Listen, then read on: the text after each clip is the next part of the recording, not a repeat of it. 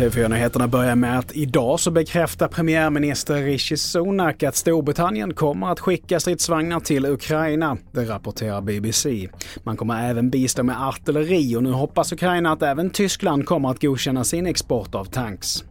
Vidare till att Kina medger nu för första gången ett stort antal döda kopplade till den pågående covidvågen. Det var på en pressträff under lördagen som landets hälsomyndigheter sa att nästan 60 000 covid-döda har registrerats mellan den 8 december och den 12 januari. Bilder på eh, bårhus, eh, krematorier, eh, sjuksängar och allt annat. Allt det där visar ju att verkligheten var någonting helt annat än vad man officiellt rapporterade. Så att, jag tycker att det är bra att man tagit det här steget men jag beklagar att man väntade så länge. Och i inslaget här så hörde vi Fredrik Cho som är vice ordförande i organisationen Sweden China Trade Council.